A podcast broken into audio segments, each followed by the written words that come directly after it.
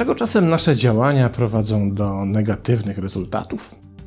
Podejmujemy decyzję co do wyboru jakiejś konkretnej opcji i dopiero później, kiedy już mleko się rozlało, okazuje się, że była to błędna decyzja, a przecież byliśmy przekonani o jej słuszności. Tym bardziej, że przecież wszyscy naokoło lub co najmniej druga strona naszej relacji również tego chcieli.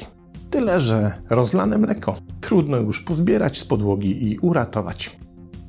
Jednym z takich psychologicznie fascynujących źródeł naszych błędnych wyborów jest paradoks Abelin, który spróbujmy pokazać na paru uproszczonych przykładach. Oto Stefan i Grażyna siedzą w domu przed telewizorem i oglądają film. W jego trakcie pojawia się reklama tabletek na wzdęcia, pokazująca czwórkę przyjaciół przy wspólnej kolacji. Nagle Stefan zwraca się do Grażyny. A wiesz, że może byśmy się umówili z Grześkami? Oni nas już od jakiegoś czasu namawiają na wspólne wyjście do pubu. Tu małe wyjaśnienie. Druga para, nazywana przez Stefana Grześkami, to ich starzy znajomi, z którymi jest ten problem, że ilekroć się z nimi spotykają, tylekroć to się źle kończy. Grzesiek dostawia się do Grażyny, a Grześkowa potrafi tak zabalować, że trzeba ją potem wyciągać z knajpy podnośnikiem. Teraz wejdźmy na chwilę do głowy Grażyny. Kiedy słyszę pytanie Stefana o możliwość spędzenia wspólnego pubowego wieczoru, popełnia jeden malutki błąd w ocenie intencji. Otóż nie słyszy ona jedynie Stefanowego pytania, ona słyszy w tym pytaniu również ochotę. Skoro zaś Stefan ma jej zdaniem ochotę na szalony wieczór z Grześkami, to a co tam myśli Grażyna? Zrobię mu tę frajdę i nie będę wiecznie odstawać i blokować mu pomysłów. Po czym głośno już mówi, no, w sumie by można, czemu nie? Oczywiście efekt ich decyzji jest opłakany. Grzesiek w tańcu znowu miał lepkie łapska, a Grześkowa zaliczyła odcięcie od rzeczywistości już po godzinie, kiedy postanowiła zażyć publicznej i przy okazji nudystycznej kąpieli w pubowo-ogródkowym oczku wodnym. Po powrocie z imprezki Stefan i Grażyna oczywiście się pokłócili, przecież gdzieś ta negatywna energia musiała znaleźć swoje ujście. Przykład drugi. Firma. Zespół zadaniowy dyskutuje nad rozwiązaniem konkretnego problemu. Ktoś rzuca pomysł na wynajęcie podwykonawcy do tego zadania. Tyle, że bez doświadczenia i nie wiadomo, czy z odpowiednim sprzętem. Ale to rozwiązanie ma tę zaletę, że kiedy się nań wszyscy zgodzą, to będzie można wreszcie skończyć tę męczącą nasiadówę. Skoro zaś pojawił się taki pomysł, to przecież ktoś chyba uznał, że to dobre rozwiązanie. O, teraz druga osoba mówi: No, w sumie można by spróbować. Skoro tak, to może nie ma tego co blokować. Jeszcze ktoś nas uzna za członka zespołu, który stale coś wszystkim chce utrudnić. No dobra, niech będzie. Dwa tygodnie później zespół spotyka się w tej samej sali konferencyjnej, ale tym razem ma dwa problemy do rozwiązania. Ten pierwszy i nowy problem. Tym razem z nierzetelnym podwykonawcą, który spartolił wszystko, co możliwe. Trzeci przykład.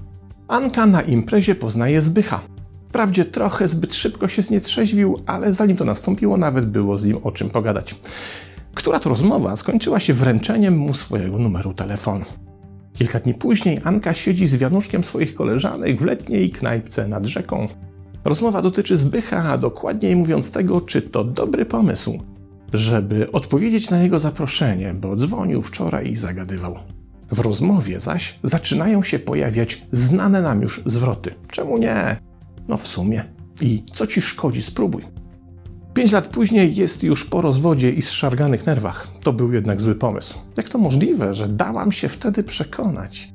Myśli Anka. Przecież dla wszystkich od początku było jasne, że to się nie może udać. Na czym zatem polega paradoks Abelin? Zacznijmy od małego rysu historycznego. Termin ten pojawił się po raz pierwszy w pracach Jerego Harveya pod koniec lat 70. ubiegłego wieku. Harvey przywołuje tam zdarzenie, podobno autentyczne, w którym pewna rodzina z Coleman w Teksasie w letnie popołudnie gra na werandzie swojego domu w domino.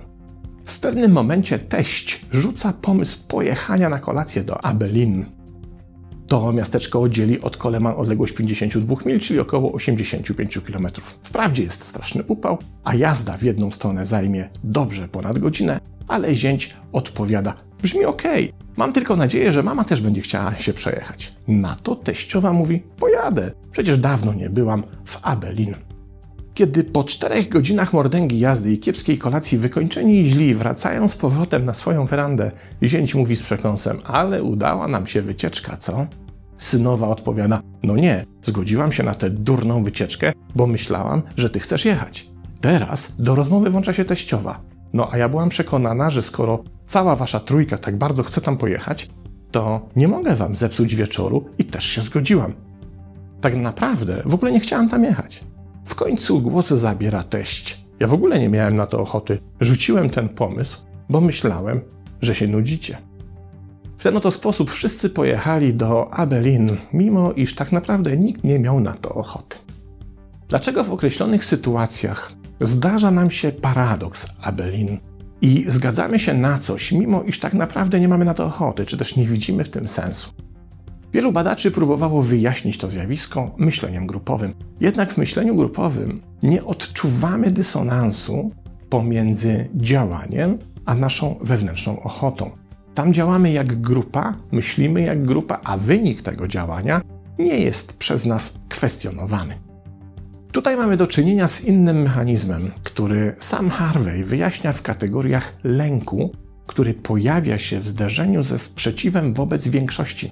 Otóż jego zdaniem, kiedy istnieje podejrzenie, że nasz opór wobec decyzji pozostałych zostanie odebrany jako bojkotowanie tego, na co wszyscy wyrażają zgodę i chęć, to pojawia się zagrożenie negatywnych konsekwencji reakcji grupy na nasz sprzeciw.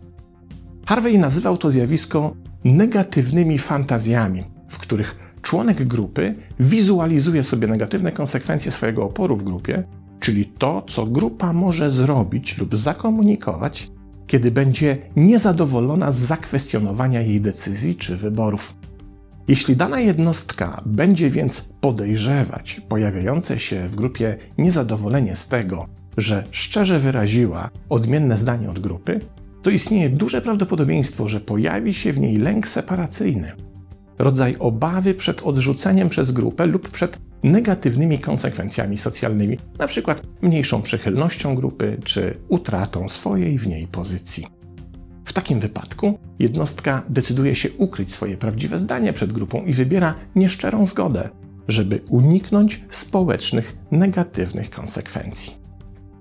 Problem w tym, że w paradoksie Abelin wszyscy członkowie grupy kierują się dokładnie tym samym lękiem, przez co grupa podejmuje decyzje niezgodne z rzeczywistymi intencjami jej członków.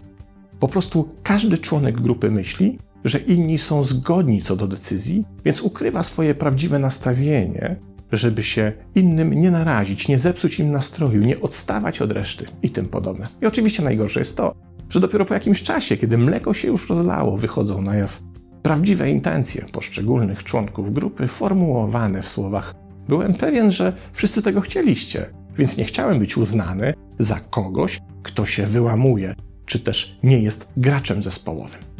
I niestety paradoks Abelin funkcjonuje w naszych zachowaniach społecznych po dziś dzień i to na bardzo wielu frontach. W polityce, kiedy dokonuje się błędnych grupowych decyzji w przekonaniu, że przecież wszyscy tak myślą, to nie ma się co wyłamywać.